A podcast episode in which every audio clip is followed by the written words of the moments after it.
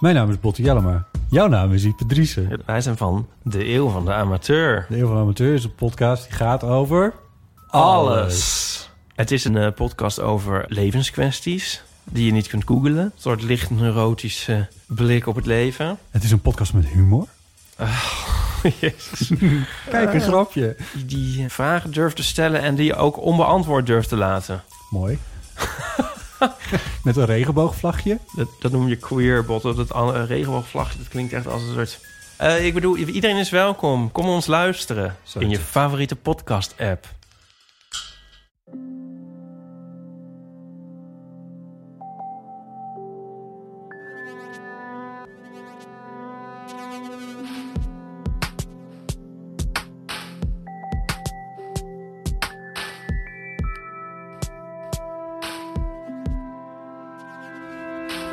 Hey, ik ben Pieter van Relaas. In Relaas hoor je waar gebeurde verhalen en die worden verteld door de mensen die ze zelf hebben meegemaakt. We gaan luisteren naar Peter. Peter is op zijn hoede, want er is een straatje in Gent. Telkens als hij daar doorloopt, dan maakt hij iets mee. En het is niet altijd positief.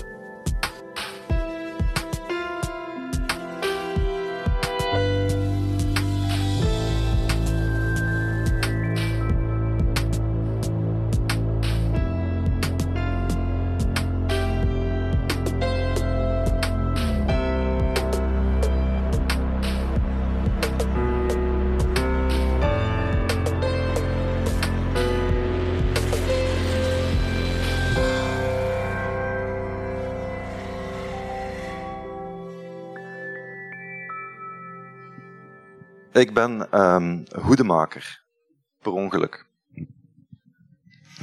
Ehm, op een dag eh, heb ik een job dicht bij huis.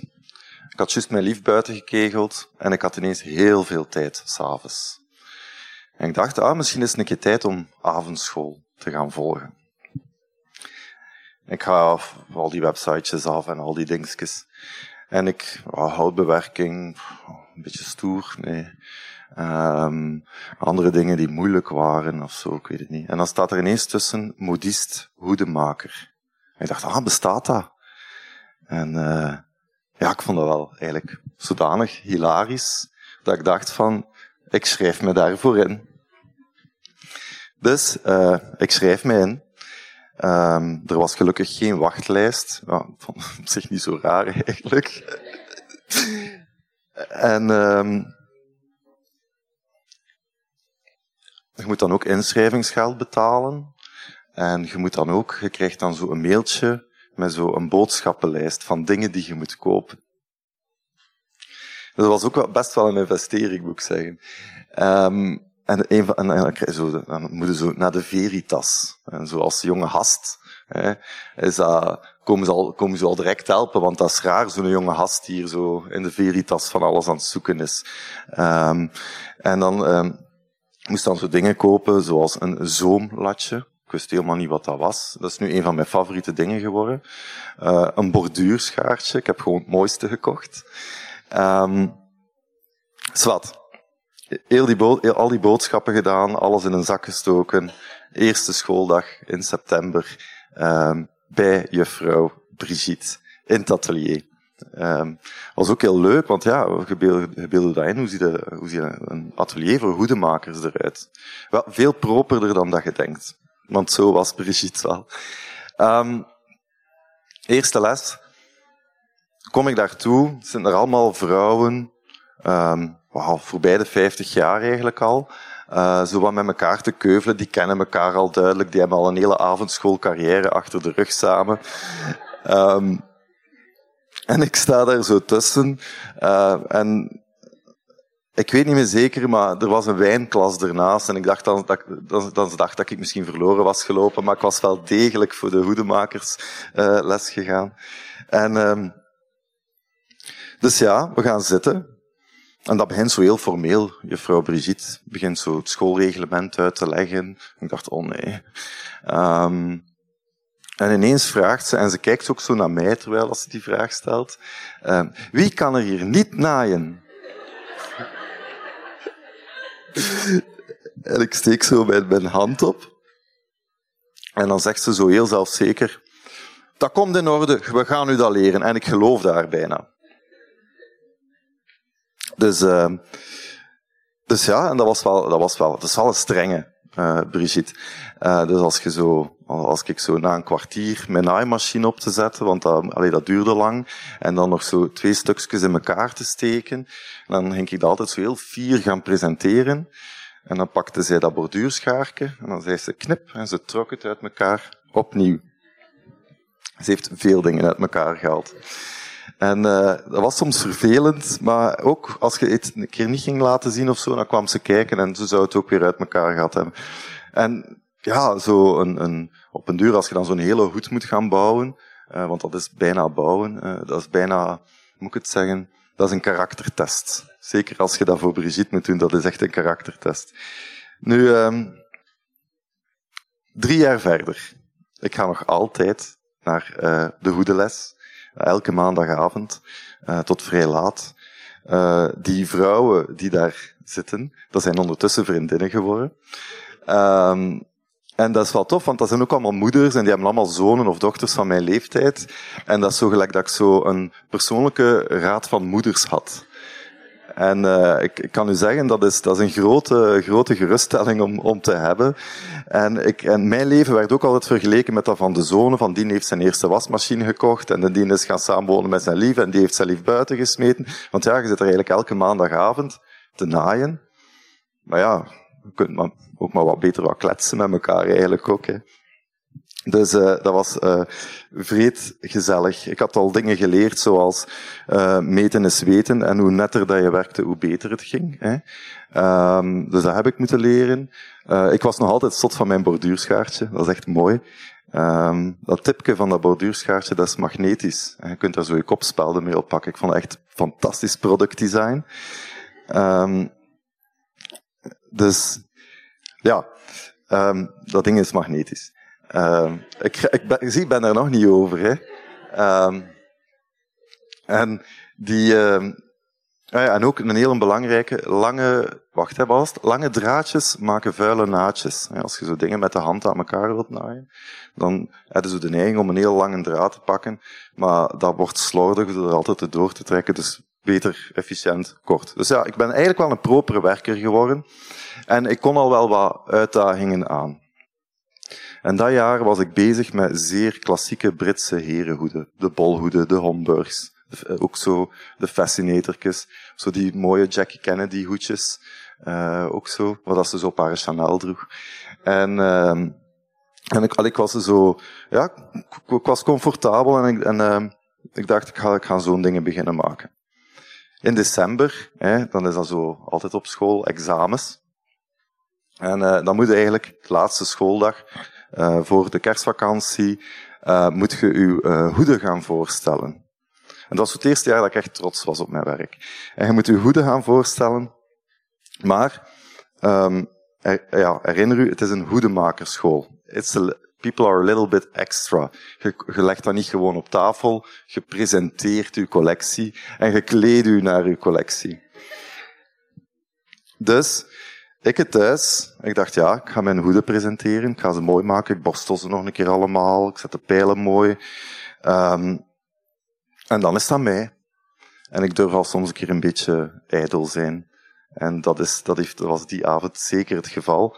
Ik dacht, oké, okay, Ascot, dat was een beetje de stijl van de hoeden. Um, ik ga ook uh, Ascot.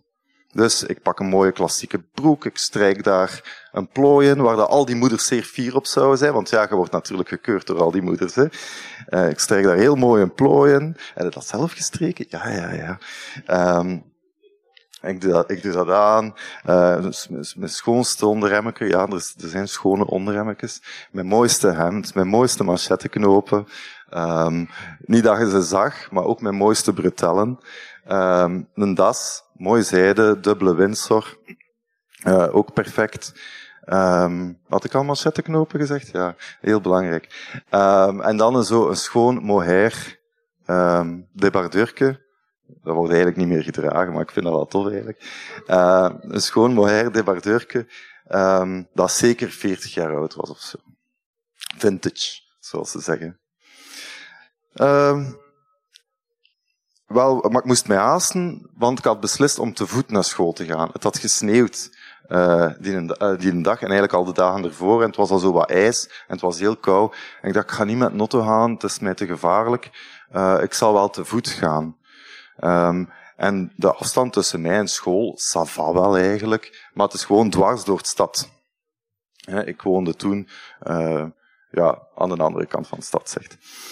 En um, dus ik, volledig opgedirkt, hè, uh, ik zag er echt wel goed uit. En uh, een, schone noet aan ook, ja, ik had hem zelf gemaakt. de mantel goed aangekleed, schoon leerhandschoenen aan. Uh, en dan ja, mijn hoedendozen. Hè. Uh, zo twee, groot, twee grote en een kleinerke. Voor dat fascineterke, dat is, dat is maar een, ja, dat is maar zo groot, uh, 10 centimeter of zo. Dus dat kon in een klein doosje. En um, ik stap door Gent. En zij die Gent een beetje kennen, uh, zo, het is donker, het is winter, het heeft gesneeuwd, het ijst. We hebben een mooi, licht, uh, mooi lichtplan. Gent ziet er echt mooi uit op dat moment. En ik ben er zo van aan het genieten. I'm totally in the moment. Um, en ik stap zo langs de kathedraal. Voor de mensen van Antwerpen, bij me ook een kathedraal. ik stap zo langs de kathedraal. En uh, achter de kathedraal moest ik een donker steegje in. En uh, dat steegje, dat, is, uh, dat heet Kwaadham. En uh, ik weet dat dat steegje Kwaadham heet, want ik heb er eigenlijk al een keer iets voor gehad. Ik ben er al een keer lelijk gevallen. En um, ja, zo toch niet, allee, maar verder denkt er daar niet over na. Ik stap door dat straatje, dat held. Dat, ik weet niet of dat jullie dat straatje kennen, maar dat trottoir ligt er niet vrij deftig bij. Die ijs, die sneeuw. En ik met die hoedendozen, maar nog altijd uh, going strong. Um, Just op het einde van Kwaadham zet ik mijn voet en ik zwiep weg. Hoedendozen overal. Um, en echt, ik denk, ik denk echt dat ik met mijn benen omhoog ben gegaan en het, allee, het moet, moet er vrij hebben uitgezien. En ik bam op mijn schouder, krak! Ik verschiet daar, ja tuurlijk, verschiet daarvan. En ik lig daar en kan mij zo net rechtzetten en ik zie mijn hoedendozen liggen en één was gedeukt. Ja, dat is wel heel erg natuurlijk. Um, en uh, ja, ik, probeer ze zo wat bijeen te rapen, maar mijn, arm deed wel heel veel zeer. Uh, maar ik probeer ze zo bijeen te rapen, dat ze dicht bij mij zijn, dat er niemand over kan fietsen of zo. En ik zit daar. Nu, um, op zich wel raar, want allee, zo, dat leek mij een zeer komisch beeld. Ik zag mezelf ook wel zitten. Dat leek mij een zeer komisch beeld. Zo'n opgedirkte kerel met hoedendozen bij zich. Hè. En, uh, maar mensen die, die fietsen gewoon voorbij. Compassie van niemand. En je moet, maar ook niet lachen of zo. Uh, er, gebeurde, gebeurde niks.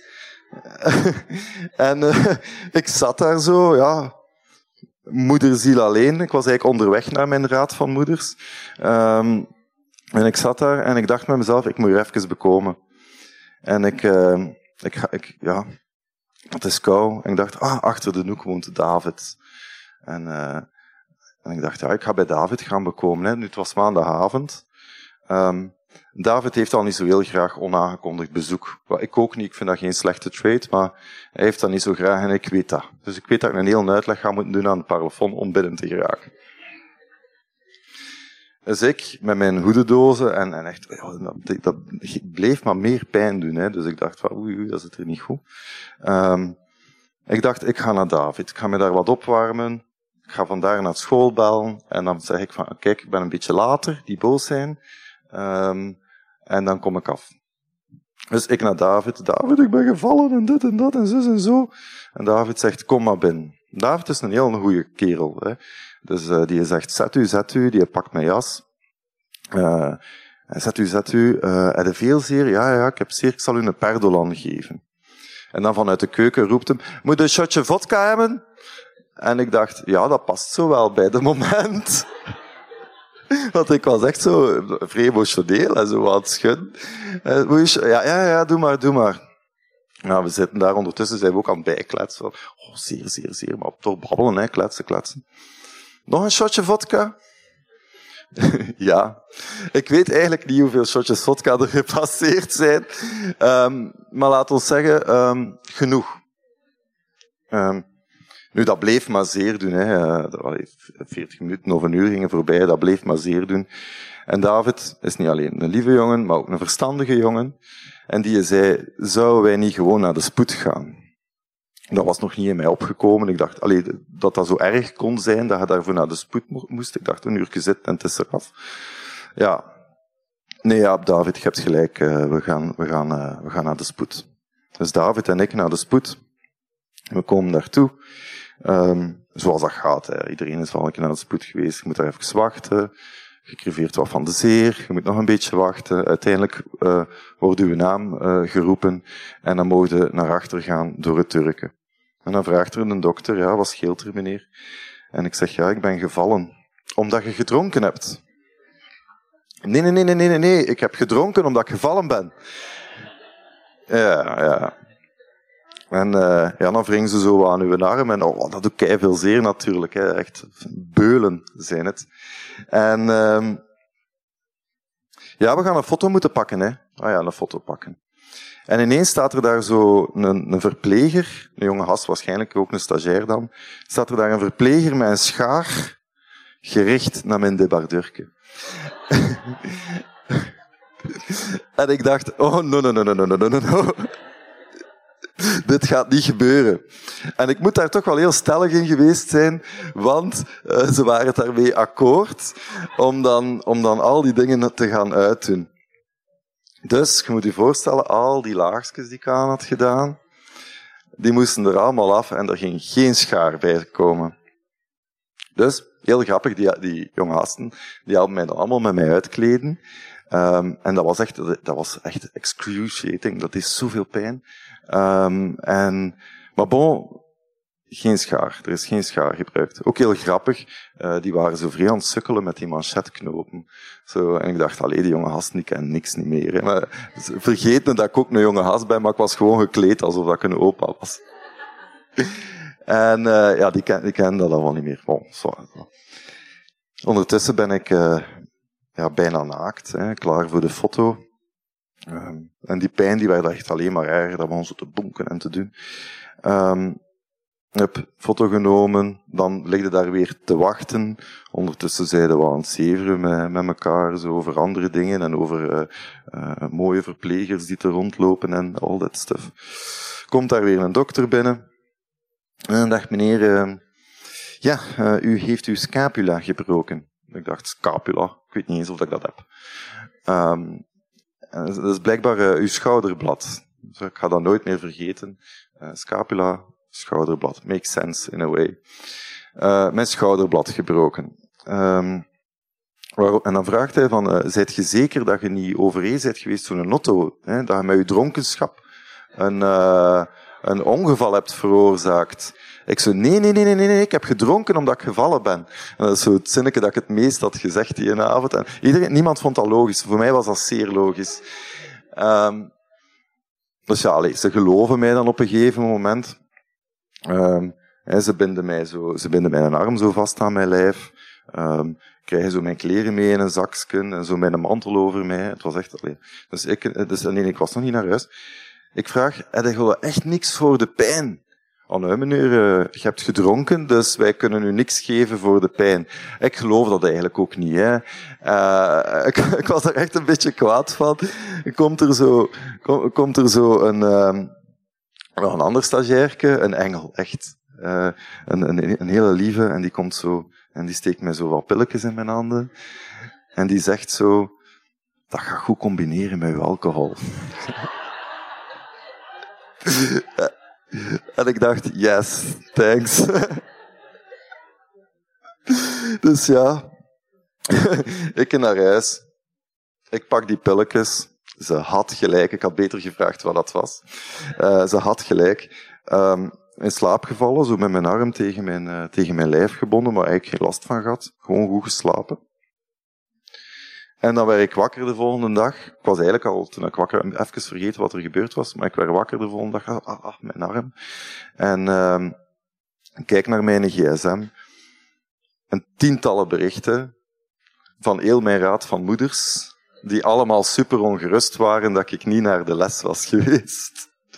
En uh, ja, ik had één berichtje gestuurd, zo van, ja, dat en dat en dat en is gebeurd. Ja, gewoon copy-paste naar iedereen, want ja, anders blijft het maar uitleggen. Dan weer een hele reeks berichten, kunnen we niks brengen, dit, dat, zo, zo, alles goed. Ik zei, nee, nee, nee, nee, nee, chill, chill, chill, ça va. Bon, Brigitte belt. Ja, Peter, uh, nu kennen we je punten nog niet, hè? ik dacht, ja. Geen probleem, zegt ze, kom maar langs uh, na nieuwjaar. Dus uh, na nieuwjaar uh, ga ik naar school met alleen mijn hoedendozen. Ik heb mij laten voeren, denk ik. Ik weet het niet meer zeker. Um, en um, ja, ik kon mij ook niet, ik kon mijn eigen niet aankleden toen. Want mijn arm, dat, dat, dat, dat, ging niet. Dus ik denk echt dat ik daar zo basically bijna in mijn pyjama naar naar, naar de les ben gegaan. En uh, ja, dat presenteerde je niet. Hè. Um, maar bon, kijk, een beetje met veel schromen zo naar de les, om toch voor mijn punten te hebben, hè, mijn volgende opdrachten te kennen. En uh, kom daartoe in de les. Dus de eerste les van januari, dus Kava. En uh, al, die, uh, al, die, al mijn vriendinnen zitten daar gezellig te, te keuvelen. Zijn, oh Peter, zo blij dat we zien en alles goed en dit en dat en zo en zo. En ik zo, oh, ook zo blij, ja, ja, ja, we waren ongerust, manneken. En uh, dat soort dingen. Um, ondertussen, Brigitte, ik doe ze nu heel streng voor, maar het is echt ook een hele lieve. Ze. Ondertussen was Brigitte al achter mijn gat door mijn hoeden aan het gaan. Uh, ik had een hele mooie uh, koningsblauwe, echt prachtige vilt. Uh, koningsblauwe bolhoed gemaakt met satijnen afwerking en een mooie pijl, hè, een, een veer eigenlijk die gesneden is. Um, daarop een klein blauw fascinatorke. Um, ook met wat pijlen op. Ik was nogal in de pluimen precies toen. En, en een strooien hoge hoed. Um, Voilà. En dat was allemaal, uh, executie was uh, goed. En dus uh, had ik al mijn punten. Maar eigenlijk was ik, vond ik op dat moment die punten niet meer zo belangrijk. was gewoon blij dat ik weer bij al mijn vriendinnen was. maar ik had al mijn punten. En, en zo ben ik dan hoedemaker geworden. dus dat was toen ook zo, zo goed als gedaan. En maar één ding is zeker, ik, uh, ik wandel nooit meer uh, door Kwaadham. Dank u wel.